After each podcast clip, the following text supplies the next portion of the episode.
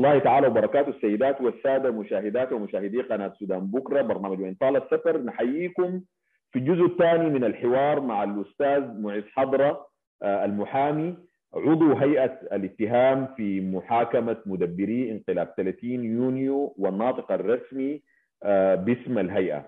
آه، أستاذ معز مرحب بك ونواصل من حيث انقطع الحديث. حتة صغيرة كده لأنه في باقي كلامك. عايز توضحها لأنه أنا أنا أنا عارف توضيحك لها لكن مهمة للناس لأنه في ناس تخوفوا آه، في إطار الجو بتاع الإشاعات وعدم التواصل وال وال وال والإعلام اللي هو ما في لصالح الشعب والثورة ده. آه، أيام لما أنتم هيئة الاتهام قررت إنه تتوقف أو يعني تمتنع عن حضور الجلسات. في ناس قاموا روجوا لأنه الكلام ده معناها القاضي من حقه انه يعني يسقط القضية على الناس دي. آه ال- ال- الكلام ده هل ممكن؟ ده سؤال. طبعا ده سؤال مهم جدا أنا حقيقي طبعا آه، فعلا في تخوف كان كبير جدا من يعني من جماهير شعبنا السوداني هو الخلل يعني الأساسي آه، هيئة الدفاع زي ما قلت لك هي لأنه بتستغل دائما الظروف دي تقدمت بطلبات للقاضي بشطب البلاغ وغياب هيئة الاتهام وعملوا منها جوطة وطلعوا في إعلام خارجي ومؤتمرات صحفية وده كله زي ما تكرمت لأنه للأسف إعلامنا ضعيف. إعلامنا الحكومي ما زال ضعيفا حتى في نقل جلسات المحاكمة.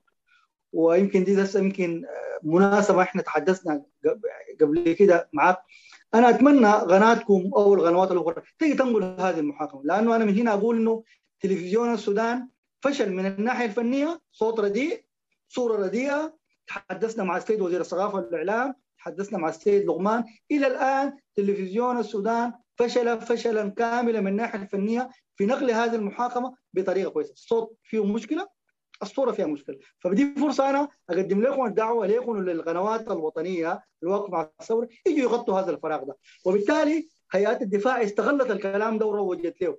الخطأ الأساسي القاضي ما كان يجب أن يسمح لهم بتقديم مثل هذه الطلبات ويسجلها ويتم نقلها في الميديا لأنه ده البلاغ ده بلاغ بتاع حق عام. لا يستطيع القاضي ولا تستطيع هيئة الدفاع أن تقوم بشطبه. لأن كنا نعلم هذا الأمر نعلمه جيدا ونحن كمحامين عندما نقدم طلب نكون مسؤولين عنه. لكن لقد شعرت بالخجل في محامين كبار في هيئة الدفاع أن يتقدموا مثل هذه الطلبات وهم يعلمون أن هذا البلاغ لا توجد قوة أن تقوم بشطبه لا القاضي ولا هيئة الدفاع. لأنه بلاغ حق عام بلاغ فيه بينة كافية المتحري حاضر وكان جاهزا لتقديم ما تبقى من بينته وبالتالي القاضي ما كان عنده غير طريق واحد إنه يستمر في سماع الدعوة في غياب هيئة الاتهام ويستمر في غياب. لكن لا يملك الحق شطبه وبالتالي ما كان لهذا القاضي مع احترام له أن يسمح حتى بقبول مثل هذه الطلبات الساذجة حقيقة طلبات ساذجة ولا تنم عن عن شخص يعني ملم بالقانون لأنه ده بتاع حق بلاغ الحق العام لا تستطيع جهة أن تقوم بشطبه. وبالتالي يعني كان في تخوف وأنا طلعت بيانات أو بعض التسجيلات الصوتية. يعني طمنا الشعب السوداني إنه يعني ده ما يحصل ده عبث وإحنا ما دايرين ننغاد لأنه حقيقة أنت كما تكرمت إلى الآن لولا يعني هو أمثال قناتكم وبعض الأشياء الأخرى إحنا إعلامنا الثوري غايب تماما. تماما. وما قادر يغطي الفراغ ده. والآن هم الفلول نجحوا يمكن في في تحركاتهم الأخيرة كلها لأنه عندهم إعلام عندهم منصات إعلامية. بل ازيدك من الشعر بيت يعني حتى في بعض المنصات الإعلامية الخارجية للأسف بيقودوها بعد فلول النظام السابق الظاهرين بأنهم هم مع الثورة وأنت تعلمه وأنا أعلمه. وكثير من الناس تغشوا بهم أسماء أنا ما أقدر أذكرها هنا لكن منصات موجودة خارج السودان مربوطة ب ببعض الجهات الخارجية الموجودة في تركيا في القاهرة في غيرها في غيرها في غيرها. ويمكن أخيرا وزارة الثقافة والإعلام يعني فطنت لهذا الأمر لكن إلى الآن ما زال الفراغ الإعلامي موجود وبالتالي هم قادرين يغطوا الحاجة. عموما آه إحنا وضحنا الحاجة دي للشعب السوداني وظهرنا في الجلسة الثالثة. الثالثة نعم. أيوه فوجئنا إنه القاضي يعني في الجلسة اللي بعدها هو قال تقدم بالتنحي من هذا البلاغ. وعلمنا مؤخرا أنه أن هنالك قاضي جديد عين لهذه المحكمة سوف يظهر في جلسة الثلاثاء القادم لأنه حقيقة إلى الآن اللي هي يعني التاخير أنت عشان تقيس المدى الزمني بتاعه. بلاغ ده بدأ له سنة وشهرين تقريبا. إلى الآن إحنا ما قادرين نسمع المتحرك. المتحرك ده في أي بلاغ جنائي بتسمعه في جلسة جلستين؟ بالكثير لو ثلاث جلسات. يعني إلى الآن إحنا المتحرك ده ما كمل مستنداته عشان يقدمها. فإذا أنت في بلاغ بالطريقة دي في متحرك تاخذ شوف سنة وشهرين معناها عشان يتم يعني مناقشة المتحري مننا ومن الدفاع. ده له سنة ثانية عشان تسمع الشاكي والمبلغ ده لك سنة ثالثه وده يعني أمر ما, ما, ما, محتاج لحسم فعلا ومحتاج لوقفة. وبالتالي إحنا قررنا هذه الوقفة من أجل هذا الشعب السوداني ومن ومن أجل حسم هذا التماطل وهذا التسويف الذي لا مبرر له. تمام. طيب أستاذ معز هنا هنا سؤال مهم وفي الحتة دي بالتحديد لأنه دي ليه الجلسات دي يعني ليه ليه ليه جلسه واحدة في الأسبوع؟ ليه يوم الثلاث؟ ليه ما في يعني أنا أنا عايز أقيس الحاجة دي بانه كلنا عارفين إنه المقارنة بتاعت إنه هذا النظام وباعترافاتهم المعروفة قتل 28 ضابط في يوم واحد. و, و أقل من يوم. أقل من يوم. أقل من يوم. وبكل فيهم ناس كانوا مسجونين ما كانوا مشاركين في في المحاولة الانقلابية وفي يعني بكل التفاصيل الواضحة دي. آه يعني هل الخلل وين في إنه هل المحاكمة دي ما من الأهمية بمكان بإنه المسؤول منه هنا؟ الجهاز القضائي ولا رئيس القضاء ولا الدولة؟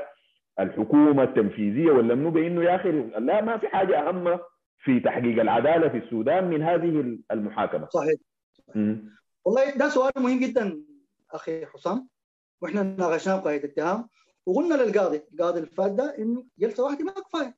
حدد لنا جلستين ثلاثة. قامت هيئة الدفاع دي كورك ما ما ما قاعدين جلستين ثلاثة. للأسف القاضي استجاب لهم حتى ما بت فيه بطريقة لأنه هو قاضي وده دور السلطة القضائية هنا. السلطة القضائية يجب أن تفرغ هؤلاء القضاة من أي عمل آخر. ويفرغوا لهذا البلاغ. وإحنا كهيئه اتهام ما عندنا مانع الجلسات تكون يومية. ما عندنا أي مانع جلسات تكون يومية. حتى لو جمعة وسبت ما عندنا مانع نجي. لأنه فعلا دي اول جريمه بدأت بها بدأ بها نظام الجبهة الإسلامية. حكمه؟ دي اول جريمه يعني تم بها ارتكاب جرائم أخرى كثيرة. بعدين لأنه يعني الشعب السوداني ده حقيقة إلى الآن منتظر يرى العدالة في هؤلاء الناس. يعني حتى الأحكام التي صدرت لم تنفذ. لم تنفذ للأسف الشديد ضد هؤلاء الناس. وبالتالي قصة تأخير الإجراءات وجلسة واحدة في الأسبوع هو جلسة أنت بتجي يقدم طلب طلبين أربعة خمسة طلبات. يعني أنت تتخيل تسجيل الحضور بتاع هيئة الدفاع عن المتهمين مرات بياخذ ساعة كاملة من الجلسة ساعة كاملة. يقوموا هيئة الدفاع دي يسجلوا ساعة كاملة. يعني لو قام واحد من هيئة الدفاع قدم طلب 28 من المحامين هيقوموا يكرروا نفس الطلبات. دي ساعتين القاضي عشان يطلع قراره ويتكلم دي ساعه ثالثة. يعني أنت تلقى نفسك ثلاثة ساعات ضاعت بدون ما تقدم في أي شيء. متحرر يقوم عشان يقدم حاجة يقوم 28 محامي يعترضوا عليه ما يقدم حاجة. وبالتالي وجود قاضي حاسم يحسم هذه هذا التماطل هذا الاستهتار. وجود جلسات عديدة بدل جلسة واحدة إحنا مع هذا الجانب ده شغل الهيئة القضائية، السلطه القضائية يجب أن تفرغ قضاة هذه المحكمة لعمل يومي ونحن الآن متفرغين كمحا... كهيئة اتهام. لماذا لا يتفرغ الدفاع؟ وبت... وأنا أتذكر في فترة النظام البائد عندما كان آه يعني أتذكر أول قضية آه كانت اسمها التفجيرات كان متهم فيها الهادي بشرى وآخرين. نعم. الجلسات كانت يومية وإحنا كمحامين كنا بنجي يوميا وبيحاكموا الناس زي كانوا يوميا. وبالتالي كان ممكن تكون الجلسات يوميه ودي السلطة القضائيه ممكن توفرها وهيئه الدفاع الدائري يجي والما داير يجي على كيفه. لأنه ما ممكن المحكمه في قضية زي دي فيها متهمين كتار تكون شغالة برغبة محامين الدفاع. لا ده دي قضية متهمين موجودين في الحراسة. المحكمة ملزمة بمحاكمتهم. الدائري يجي يجي والما داير يجي على كيفه. لكن ما ممكن تكون شغالة بطلبات ورغبات هيئة الدفاع. ودي جزء نحن من الأشياء قدمنا فيها شكوى أمام السيد رئيس القضاء فنحن فعلا نقطه نقطة مهمة جدا ونحاول بقدر الإمكان إنه يكون في أكثر من يوم. نعم. نعم. طيب ال ال ال رئيس القضاء اللي هي مولاتنا كانت رئيسة القضاء هل تخاطبتوا مع رئيسة القضاء السابقة في في الحاجات دي؟ في في في في الإجراءات دي وفي إنه في التعطيل يعني أنتم بتتكلموا مع مع القاضي المسؤول لكن واضح إنه هو في خلل من ال يعني في عدم حسم. زي ما أنت ذكرت إنه الفرق بين المحاكمات مدبري انقلاب 25 مايو إنه القضاة كانوا علماء وقضاة حاسمين و وعشان كده في الفترة الانتقالية تمت المحاكمات المشهودة دي. في هنا ده منو يعني؟ هل بعد القاضي كنتوا بتخاطبوا بتخاطبوا رئيسة القضاء ولا؟ إحنا طبعا حقيقة ما إحنا كاتهام ما كنا بنخاطب زول بطريقة مباشرة لأنه ما عندنا الحق لكن لأول مرة يعني إحنا صبرنا فترة طويلة جدا جدا نعم. لأنه هي طبعا نعم. مهمتهم هم نعم. هم كرئيس قضاء أو كسلطة قضائية دي مهمتهم لأنه المحاكمة دي ما تحت نظرهم هم لو في خلل يفترض يخاطبوا القاضي يوجهوه إحنا كاية اتهام دي أول مرة حقيقة زي ما قلت لك نعم. صبرنا نعم. كثير جدا تقدمنا بطلب رسمي يعني ما ما كانت مطالبة شباب نعم. اتفضل. أيوه اتفضل يا أستاذ معز أيوه تقدمتوا بطلب رسمي. تقدمنا. آه، بطلب رسمي آه، للسيد رئيس القضاء المكلف بعد ما نعمات استقاله وعملنا فيه الشكوى دي. وهو طبعا ما طلع علينا قرار فيه لكن علمنا ليتر إنه هو تم حفظ الطلب. لكن القاضي هو حسب ما جاء قال في المحكمه إنه تقدم بطلب للتنحي. وحسب ما تابعنا في وسائل الإعلام إحنا الآن بطريقة رسمية آه، لم نستلم أي آه، قرار من رئيس القضاء المكلف لكن تقدمنا له بشكوى. شكوى واضحة تحوي أسباب عديدة وضد هذا القاضي وضد ما يتم من استغلال لإجراءات التقاضي وعلمنا الآن إنه في قاضي جديد. فإحنا آه، مع القاضي الجديد إذا جاء هنقوم نناقش معه كيفية إنه يعني زيادة يوم آخر أو أيام عديدة. لأنه في النهاية بنفتكر قضية زي دي. الشعب السوداني كله متابعه آه، قضية فيها متهمين كتار. بنحتاج لأكثر من يوم لإجراءات المحاكمة لأنه فيها يعني إجراءات عديدة وفيها متهمين كتار. وبالتالي اليوم الواحد ما كفاية في الأسبوع. تمام. تمام. تمام. طيب أستاذ معز لل- للتاريخ وللتوثيق. هيئة الاتهام فيها منو؟ أو عدد ال أقل حاجة طلعت. ما عارف أيوه سامع انا فأنا حاضر.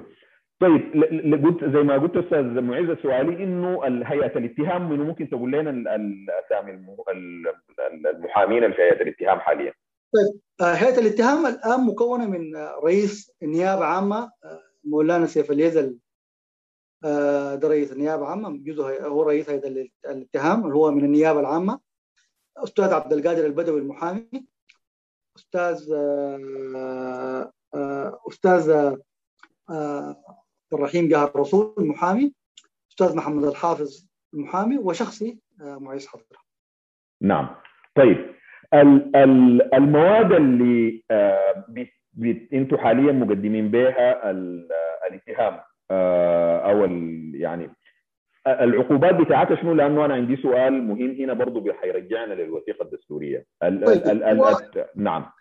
ال- ال- التهم الموجهة لهم اللي هو تغويط النظام الدستوري. وفقا للقانون الجنائي سنة 1983 مم. الاشتراك الجنائي باعتبار المجموعه دي كلها اشتركت جنائيا عشان يغوضوا النظام الدستوري. العسكريين بالإضافة للمواد دي موجهة لهم آه، مواد من قانون القوات المسلحة لسنة 1986 لأنه قانون القوات المسلحة نفسه بينفي تقوي... ضد تقويض النظام الدستوري وضد الانقلابات يعني هم حتى نعم. القانون العسكري بي بي بي بي بي بيجرم هذا الفعل نعم. العقوبات ال- لهذا الفعل الإعدام أو السجن المؤبد مع مصادرة الأموال اللي هو ده اللي جاب على سؤالك القبيلي إنه حتى من توفوا يمكن إقامة دعوة مدنية ضدهم عشان كيفية مصادرة اموال طيب. طيب أستاذ معز أنا أنا رجوعي هنا لسؤالي عن النقطة دي لأنه أنت لا شك تعرف وهو أنت أنت قلت إنه في حاجات كثيرة يعني ده ما مقامه وفعلا نحن محتاجين آه، يخيل لي نعمل حوارات عن ال- الحاجات ال... يعني نركز فيها على الفترة ديك لأنها فترة مهمة. لكن من يعني كانت واحدة من المواد الغريبة في الوثيقة الدستورية في الاتفاق وبعد كده جاء في الوثيقة الدستورية موضوع إنه لا تطبق أحكام الإعدام الإعدام على من بلغ سبعين عاما من العمر. وواضح إنه الناس القاعدين يعني كانوا بيفاوضوا وبيعملوا الوثيقة الدستورية دي. ما أعرف هل من جهتنا نحن ما كانوا عارفين لكن على الأقل من الجهة من الجهات الثانية كانوا واضحين جدا وعارفين عايزين شنو لأنه 70 سنة من العمر دي معناها 30 سنة اقسمها من 30 سنة معناها أي زول في يوم 30 يونيو 89 كان أكثر من 40 سنة اللي هو ال 15 عضو بتاع مجلس الثورة وناس وكل الباقيين ديل ديل لن يتم عليهم تطبيق الإعدام الحاجات دي مرت كيف؟ كيف مرت وتبريرها كان شنو؟ والله سؤال مهم جدا يا حسام سؤالك ده. هو حقيقة طبعا آه القصة بتاعت السبعين سنة دي وهم المتهمين آه النظام البايد حصنوا أنفسهم بمجموعة من القوانين لأنه عارفين إنه ربما تجي حاجة زي دي أو كده. فقالوا كل من بلغ السبعين عاما دي في قوانين وهم نعم. ما تطبق عليه العقوبة. نعم. و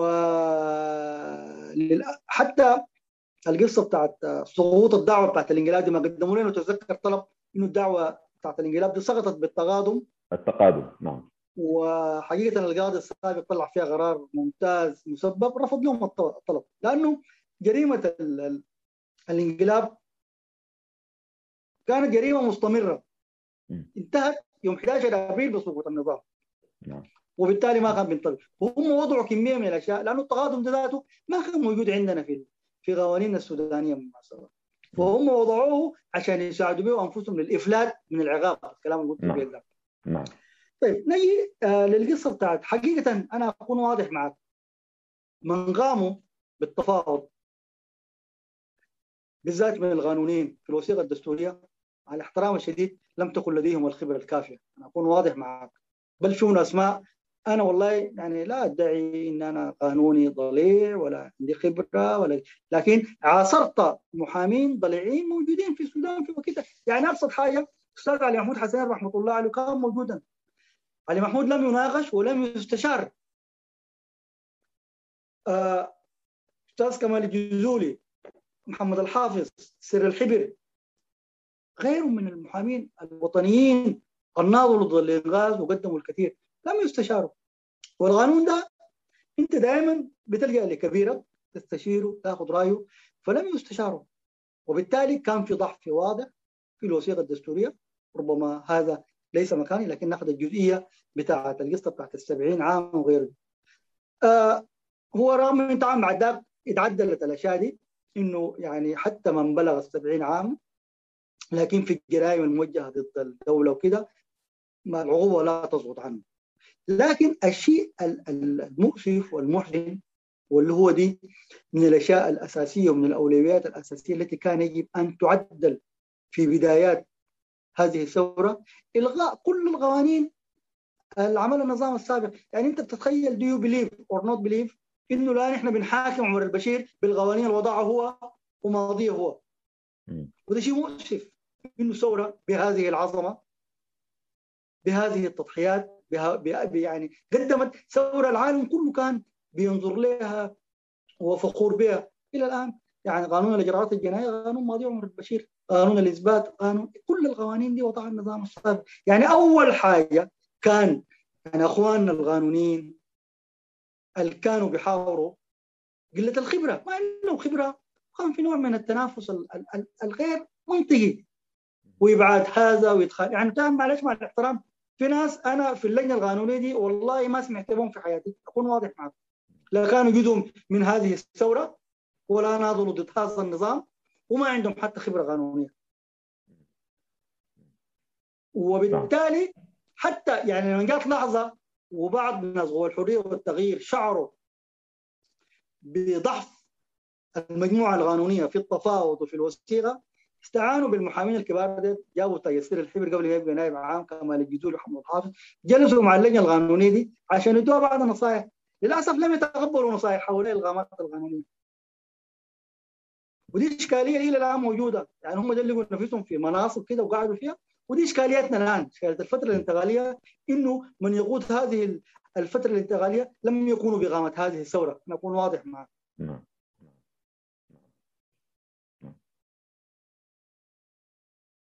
اتفضل وبالتالي يا. وبالتالي نعم. أنا بفتكر كان في ضعف واضح في الوثيقة الدستورية كان في وضح واضح ضعف واضح في الرؤية. يعني أنا افتكر كان يمكن يعني هو دي يعني أخونا الصادق على حسن الأمين العام لهيئة محامين دارفور أنا حيوم هنا رجل مناضل وراجل قانوني وعنده كتابات اليومين دي جميلة جدا. يعني قريت إنه بتمنى إنه الناس يقولوها أخونا الصادق كان عنده رؤية ودي كانت برضه رؤية علي محمود حسنين. يعني أستاذ علي كان وضع كمية من القوانين لو أخذوها كانت ريحتنا في كل هذه المشاكل القانونية. حتى المحاكمات دي بتاعت المفسدين دي قانون سهل وإجراءاته واضحة. أستاذ الصادق كان عنده آه وجهة نظر أنا أفتكر وجهة نظر محترمة جدا. كان بيفتكر إنه يا أخي يجب إلغاء كل القوانين السناها نظام الانغاز لأنه قوانين غير شرعية ما هو نظام غير شرعي. وبالتالي قوانينه كلها غير شرعية. إذا ما أنت عندك قوانين جاهزة الآن تطبقها رغم إنه في قوانين يعني التجمع الوطني زمان عمل مجموعة قوانين علي محمود حسني عمل مجموعة قوانين في في مقترحات عديدة. كان في حل سهل أرجع للقوانين أرجع للقوانين اللي كانت سارية قبل النظام. نعم, آه نعم. قبل نعم. الانغاز قبل 30 يونيو القوانين الموجودة اللي هي قانون الجناية سنة 1983 قانون الاجراءات 1983 كل القوانين السابقة رجعها وألغي القوانين دي. ودي بوريك عدم الخبرة. نكون واضحين إحنا الآن ما عندنا حاجة زي ما يقولوا زمن الغطغطه والديسديس انتهى. نعم. في في نعم. خلل واضح كان في المجموعه اللي بتفاوض من حيث التفاوض من حيث العقلية لأنه ما عندهم خبرات. آه كانوا رافضين. كانت شلة. إحنا طبعا للأسف الشديد أنا أكون واضح معاك. أزمة الفترة الانتقالية أزمة الشلاليات الشلاليات دي يعني يعني ما لم نتخلص منها إلا في كان في المجال القانوني، كان في المجال السياسي، كان في مجلس الوزراء، كان في غيره في غيره، الشلاليات هي؟ غاية الفترة الانتقاليه وده شيء مؤسف. يعني الروح الروح اللي كانت موجودة في مكان الاعتصام لما كل السودان آه لو الناس ما مشوا ليها وجابوها استعادوها مرة أخرى هي ممكن تمشينا. لأنه ما كان في شلاليات يعني ملايين موجودين في ساحة كانوا بيديروا دولة. ما في زول بيعرفون زول ما في زول عنده شلة ضد شله الروح دي إحنا محتاجين نستعيدها مرة ثانية عشان نقدر نمشي بها لقدام. لكن طالما القصة بتاعت الشلاليات دي موجودة ودي الأزمة الكبيرة الآن إحنا بنعانيها. يعني إلى الآن ودي برضه مناسبة نتكلم عنها اللجنة القانونية الآن بتاعت الحرية والتغيير. اكون واضح معك شغالة بالشلاليات. وإلى الآن لأنه فيها خلل إلى الآن ما قادرين يتفقوا على اختيار نائب عام ولا نائب عام. رئيس غضب. نعم. هو السلطة القضائيه قدمت أربع أنفار رفعون حيختاروا لكن إلى الآن حسب معلوماتي عندهم أربع خمس اجتماعات فشلت في الفترة اللي فاتت. والفكرة الفشل ده مقصود بيغيبوا من بعض عشان ما يعملوا آه كورم عشان يختاروا. فشوف ده, ده جزء من الخلل الموجود الآن في في اللجنة القانونية.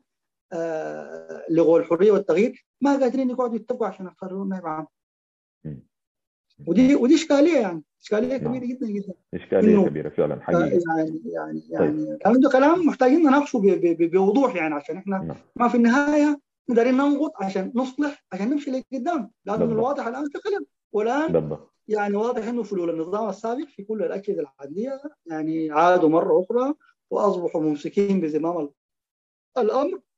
ومحتاجين فعلا يعني وقفة مع النفس آه، نعيد ونراجع هذا الأمر.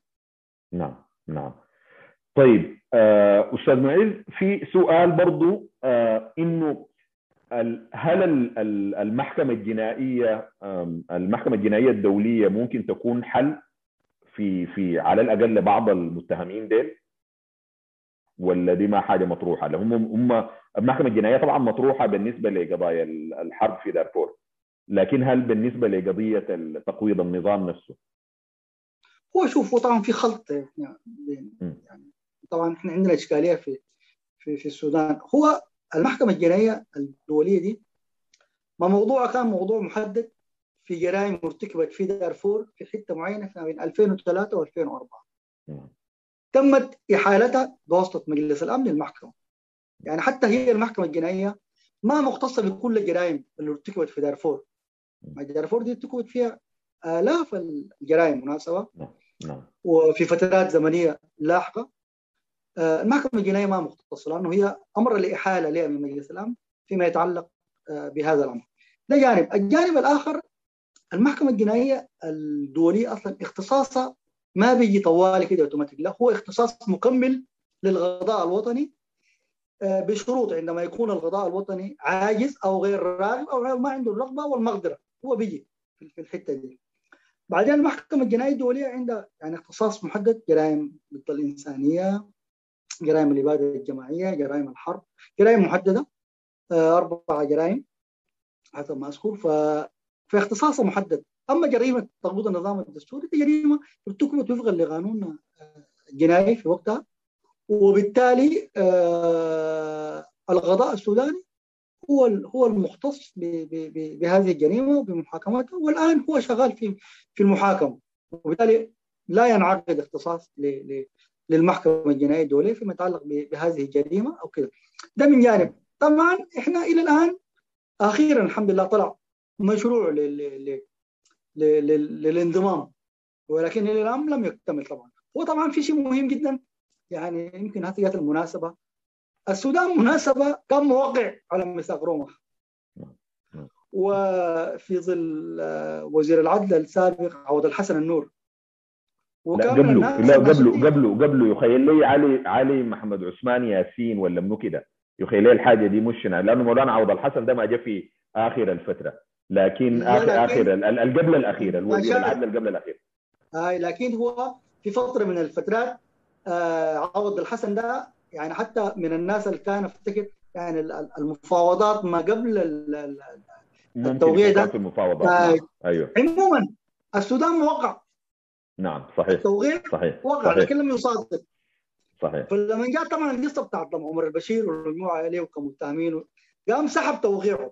يعني صحيح. تم سحب التوقيع نعم. آه وأصبح السودان آه يعني غير موقع. والآن أنا أفتكر آه الفترة الانتقاليه ورغم إنه الأمر ده جاء متأخر قصة المشروع بتاع الانضمام ده لكن أعتقد برضه بداية طيبة أن تأتي متأخرا خيرا من ان لا تأتي, فيبدو إنه الآن يعني إحنا ماشيين في في في طريق كويس إنه نوقع وبعد ذاك نصادق على على الاتفاقية نصبح جزء وربما ده يساعد في القصة بتاعت التعاون بين حكومة السودان وبين المحكمة الجنائية لكيفية محاكمة المتهمين المطلوبين أمام المحكمة. نعم. طيب طيب سؤال ثاني لأنه برضه لاحظت إنك أنت قمت تساءلت سؤال مشروع آه لما السيدة وزيرة الخارجية قامت بزيارة للبحرين وقمت سألت إنه آه طيب هل طرحت في في في موضوع البحرين ده في زيارتها للبحرين آه تسليم المتهم صلاح الدين كرار ولا لا؟ فأنا سؤالي إنه مش مش بس صلاح كرار ما في متهمين ثانيين في دول ثانية وأنا وأنا بالتحديد عايز عن صلاح غوش اللي هو موجود في جمهورية مصر العربية وبالعلاقات المميزة لحد الأيام دي بيننا وبين جمهورية مصر. هل الجهاز التنفيذي للدولة طرح في أي لحظة من اللحظات موضوع تسليم المتهمين ديل؟ والله هذا سؤال مهم جدا أنا برضو طرحته. مرات عديدة. أنا القصة ما قصة صلاح قوش لا ما قصة صلاح كرار. أنا أنا طبعا طرحت السؤال ده لوزاره الخارجية. اي أي وزير سوداني قاعد يمشي دولة. أنا شايف فيها متهمين مطلوبين للغض فبقوم بطرح عليه السؤال ده. لكن طبعا يعني للأسف الشديد لما تلقى أي إجابة حتى هذه اللحظة يعني. أنا طرحت الأمر ده لما حمدوق جزار القاهره طرحت أيوه. تعديل ورسلت له عن طريق بعض الناس القريبين له لكن كعادته دائما السيد حمدوق لا يرد على يعني أزيلة الشعب السوداني لأنه برضه قافل نفسه حول شلة الضيقة دي ولا يستجيب ل يعني هو الأمر أكبر من كده حقيقة. هو ما في شكليا طلعت أوامر في ظل النائب العام السابق تيسير الخير طلعت أوامر لإسترداد هؤلاء المتهمين عن طريق الانتربول. نعم. لمتهمين موجودين في مصر منهم صلاح قوش وآخرين. يعني غير صلاح قوش مناسب في مصر في متهمين آخرين مطلوبين في قضية الانقلاب وفي قضايا أخرى. نعم. طلعت أوامر قبض لمتهمين في مجزره العيلفون نعم. طلعت أوامر نعم. قبض لمتهمين موجودين في الإمارات في تركيا. نعم. نعم. وال procedure مشت. لكن هذه الدول الموجودين المتهمين على أرضها آه لم تتعاون يعني بل في بعض الدول ردت قالت هؤلاء المتهمين غير موجودين على أراضينا لكن ظهرت بعض البيانات الأخرى مثلا صلاح قوش ظهر في فيديو مشهور إنه موجود في مصر. فالأمر ده دار تحرك سياسي على مجلس الوزراء مجلس السيادة وزير العدل غيره يكون في تحرك سياسي يدفع. والأمر هو محتاجين لتحرك أكثر من كده. يعني مثلا وجود هؤلاء المتهمين في هذه الدول يعني هم ما قاعدين كلاجئين سياسيين. الأخطر من كده هؤلاء المتهمين سبب إنهم بيقوموا بنشاط مضاد ضد حكومه الفترة الانتقالية. يعني المنصات الإعلامية اللي تكلمنا عنها قبل شوية المجبوهه ضد الفترة الانتقالية تدار من هذه الدول. فدي محتاجة لتحرك سياسي من رئيس الوزراء يطلب منهم. إحنا ليه إحنا ليه بنخجل نطلب من الآخرين يعني تنفيذ مصالحنا. ليه إحنا كسودانيين بي بي بي ما يكون عندنا الجرأة لأنه المصريين الآن لما كان عندهم متهمين من الإسلامويين الموجودين في السودان طلبوه في ظل النظام السابق في ظل خاص النظام وتم تسليمه ليه ما نطلب التسليم؟ نعم. يعني أنا حتى طلبت من حمدوك لما مشى زار مصر. يعني إحنا شفنا أبي أحمد لما نيجي السودان في كل مرة بيقدم طلب يدوه يحفوا عن المتهمين. عن بعض المتهمين الأثيوبيين. نعم. معاهم في الطيارة.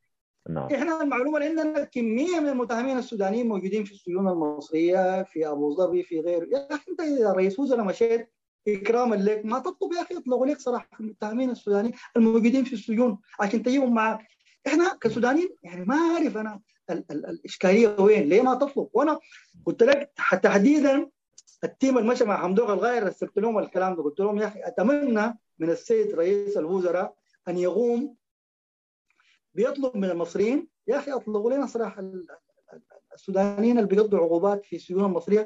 على الأقل لو ما عفيتوا عنهم يجوا يقضوا باقي الفترة في السودان. للأسف ما في فينا قاعد يطلب هذا الأمر. فده جزء من الإشكالية ما فهم العقل السوداني بيخجل حتى في في الحاجات زي دي. ولا يعني ما قادر افهم يعني. فحقيقة في اشكاليه محتاجين لتحرك. على مستوى مجلس الوزراء إنه يطالب بتسليم هؤلاء المتهمين لأنه أصبحوا خطر وبيقوموا بأعمال مضادة لحكومه الفترة الانتقاليه. نعم. نعم وده ده كان ذكرني يا أستاذ معيز بالكلام عن إنه بعض المتهمين حاليا الموجودين جوا الكوبر وجوا السجون السودانية ما زالوا برضو عندهم تلفونات وبيحركوا ال ال ال يعني بيتواصلوا مع أتباعهم ومع الفلول وكده. الحاجة دي من من وجهه نظرك كيف حصلت وكيف يمكن معالجتها والمسؤول منه؟ هو طبعا هو زي ما قلت لك هو في خلل كبير جدا في اجهزتنا الأمنية والوطن النظاميه وطبعا ده ذاته جزء من الخلل في الوثيقة الدستورية إنه ترك تركوا إعادة هيكلة هذه القوات للمكون العسكري. لها نعم. وده خلل كبير جدا لأنه القوات المسلحة ولا الشرطه ولا قوات الأمن دي دي حاجات خ... بيملكها الشعب السوداني. ما بيملك المكون العسكري، المكون العسكري هو ذاته مملوك للشعب السوداني، يعني القوات المسلحة دي ما هي قوات مسلحة شغالة من أجل هذا الشعب وتمول من أجل هذا الشعب وبالتالي إعادة الهيكلة ما كان يجب أن تترك المكون العسكري. والمكون العسكري الآن واضح إلى الآن لم يقوم بإعادة الهيكلة ولن يقوم. واضح الآن ما عنده الرغبة يقوم. وبالذات فيما يتعلق بقوات الشرطة. قوات الشرطة دي إلى الآن لم تتم إعادة هيكلتها. وبالتالي يعني يمكن لو لاحظت الفترة اللي فاتت دي كلها حتى الشرطة لما يعني ما بتقوم بواجبها ولما تمشي تشتكي لهم يقول لك مش دي المدنية اللي دايرينها عقليه عقليه غير صحيحه رغم إنه التعريف القانوني لقوات الشرطة هي قوات مدنية. مدنية نعم صحيح. وليست قوات عسكرية. يعني أنا لقيت كثير جدا من العساكر اللي كانوا بيقولوا الكلام ده قلت لهم أنتم أنتم قوات مدنية أنتم مدنيين ناكرين دي أنتم نفسكم قوات مدنية ما عسكرية. فإحنا محتاجين لإعادة هيكلة هذه القوات النظامية فصل كل المجبوهين داخل هذه القوات الذين يتعاملون مع النظام السابق الذين دخلوا عن طريق النظام السابق. لأنه أنت ما تعرف في دفعات كاملة ما لم تأتي توصية من المؤتمر الوطني ما كان يتم إدخال شخص إلى هذه القوات. وبالتالي أمثال هؤلاء يجب أن يفصلوا ويبعدوا. ويعني ال ال ال حتى الإشكالية الآن بتاع إنه قانون الأمن الداخلي قانون الامن الداخلي ده يعني إلى الآن في تلقوا وفي تأخير فيه والنواه بتاعته كان يجب تكون من المفصولين من قوات الشرطة دي خبرات يعني ممتازة خبرات صرف فيها الشعب السوداني دربها. دي نواه جاهزة ممكن تجي تعمل بها إعادة هيكله للقوات الشرطة حتى للجيش في جهاز الأمن.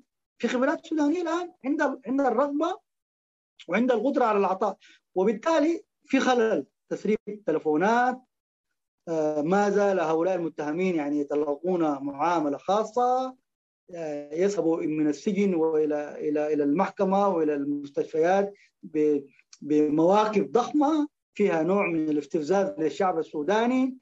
هذا الأمر يحتاج إلى اعاده هيكلة يحتاج إلى ضبط إلى تطبيق قواعد السجون. بالمناسبه إحنا عندنا لوائح في السجون السودانية لوائح جيدة جدا وممتازة جدا جدا وعندنا خبرات جيدة في السجون وإدارتها.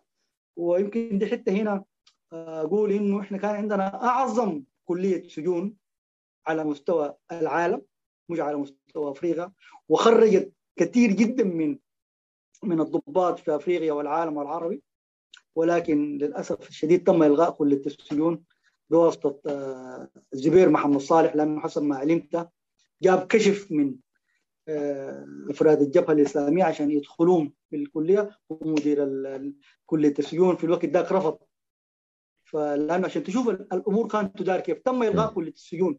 لأنه حقيقة ضابط السجون ما هو نفس التدريب اللي بتلقاه ضابط الشرطة العادي. لأنه ده أنت بتاهل لك متهمين بتتعامل معاهم.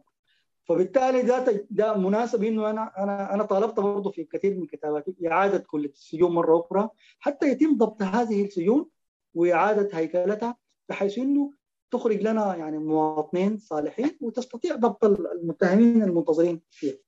والحاجة دي واضحة يا أستاذ معز يخيل لي من كتابات معظم المناضلين والمعتقلين السياسيين لما يجوا يكتبوا ذكرياتهم إنه عن الفرق لما يمشوا للسجون وإنه التعامل بتاع ضباط السجون معهم بيكون كيف يعني. فدي ده صحيح. دليل على كلامك. أنا أنا أنا في خواتيم اللقاء ده أستاذ معز وشاكر لك يعني زمنك. عايز أسأل عن طيب بالنسبة للمتهمين العسكريين ما مدى إمكانية إنه كان تتم محاكمتهم عسكريا بقانون القوات المسلحة نفسه وما في محاكم عسكرية مش كده؟ الإجراء ده ممكن يتم كيف؟ وهل أصلا أنتم شايفين إنه كان ممكن يكون حاجة تسرع المحاكمه ولا لا؟ هو طبعا في جانب مهم جدا. كل العسكريين ديل خارج الخدمة. لما تمت محاكمتهم الآن بقوا خارج الخدمة بقوا ما عسكريين يعني مدنيين عاديين مع الشيء لكن في جانب آخر اللي هو الوثيقة الدستورية وحتى القوانين السودانية إنه تكون في جريمة في عسكريين ومدنيين المحاكم العادية المدنية هي المختصة بمحاكمتهم مع بعض. يعني حتى لو كان لو لاحظت العساكر بتاعين الدعم السريع اللي حاكمون في اللوبيط ما دي العساكر في الخدمة. نعم نعم. لكن حاكمون ما في المحاكم العسكرية بتاعت الدعم السريع أو بتاعت القوات لا حاكمون. ففي الوثيقة الدستورية وفي اللوائح قوانين إنه لما تكون في متهم عسكري أو مدني يتم محاكمتهم أمام المحكمة الجنائية العادية. وبالتالي هم الان لأنه أول حاجة ده خليط بين مدنيين وعسكريين والجريمة اللي ارتكبوها هي جريمة ما متعلقة بالقوات المسلحة لا جريمة برضه منصوص عليها في القانون الجنائي العادي وبالتالي يتم محاكمتهم أمام القضاء الجنائي العادي. نعم نعم تمام. طيب أستاذ معز نحن في في ختام اللقاء طبعا يعني أنا آه أنا كنت الحقيقة عايز أقوم أبدأ لكن أنت بديت بالكلام عن الأستاذ علي محمود حسنين وزي ما قلت ما حنقدر المرحوم الاستاذ علي نتكلم عنه في في في يعني في إشارات بسيطة هنا يعني. لكن المجهود اللي عمله في نضاله ضد ال 30 سنة ضد نظام الجبهة الإسلامية والايمان المطلق كان ده اللي هو بيسموه إيمان العجائز بأنه الشعب ده حينتصر.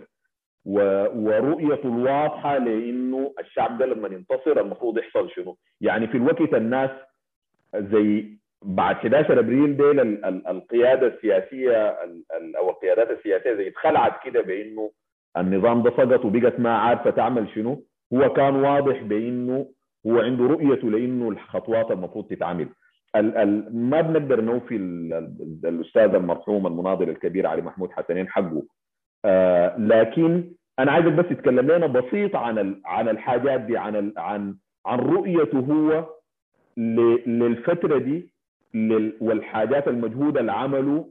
آه وبعدين لأنه هو في كلام مهم جدا قالوا آه يعني كلامه عن إنه الثورة إذا ما بقت ثورة كاملة يعني نص الثورة معناها إنه الثورة تموت يعني أو الثورة تنتهي. وده كلام خطير. وبعد سنتين من رحيله وبعد سنتين من الثورة الناس يعني قاعدة تتخوف من إنه كلامه آه يعني آه يعني استبصاره هو للحاجات. فأنا عايزك تتكلم عن يعني بما يسمح له يعني أنا فاهم إنه ما حتقدر تتكلم كثير لكن يعني بتدينا شوية عن الحاجات دي. هو يعني الرحمه والغفران حقيقة لو أستاذ علي محمود حسنين.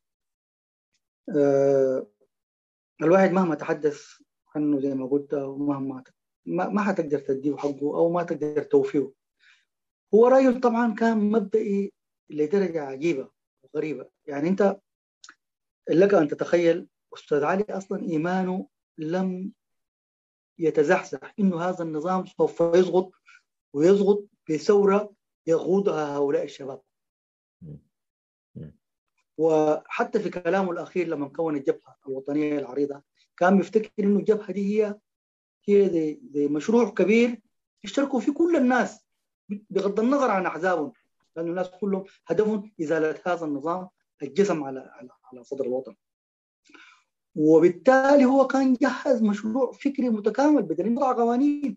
يعني أنا مشيت له هو اتذكر في لندن هنا وهو لما تم تهديده وبواسطة محمد عطا وقبلية صالح قوش ويعني تم فتح بلاغات عديدة ضده.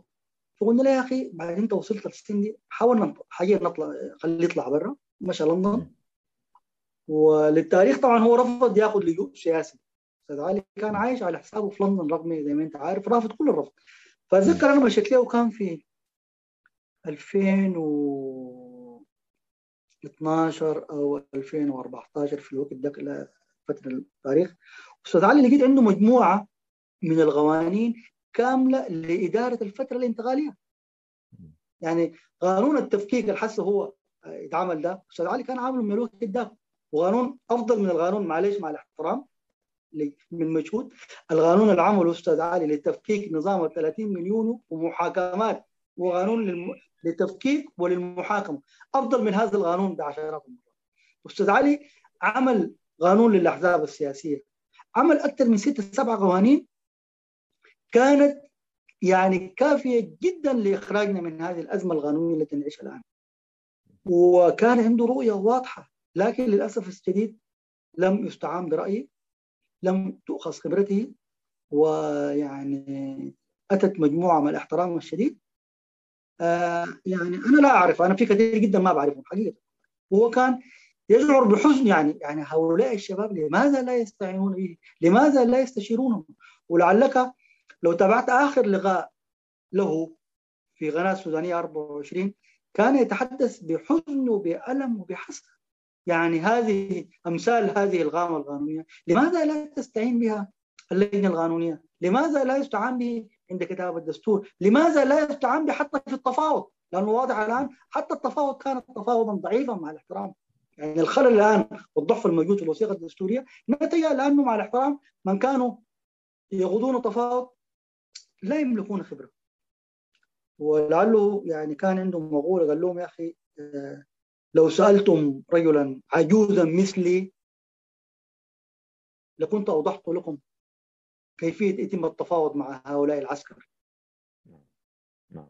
ويعني في اللقاء كان موجود أحد القانونيين الذين كانوا تفاوضون في الوثيقة الدستورية. ذكر لهم هذا الأمر قبل يوم واحد من وفاته لأنه كان رؤيته واضحة إنه مكان الاعتصام ده يجب أن يكون هو حكومة الفترة الانتقالية. يا عساكر يا أخي كثر خيركم. إنتم قمتوا بالعليكم لكن ده ما شغلكم ده ما دوركم إنكم تحكموا. وضع قوانين لكن للأسف الشديد القوانين دي موجودة. وما في جهة تبنتها. أنا شخصيا سلمت لكل الجهات القانونية الموجودين. أديت لهم ما في يعني يعني يعني أبسط حاجة لو تم تب يعني تبني القوانين اللي وضعها أستاذنا علي محمود حسنين المحاكمة بتاعت الإنقلاب دي كان ممكن تأخذ لها ماكسيمم شهر شهرين ويصدر فيها حكم. وكان رؤيته تدعم محاكم في كل السودان.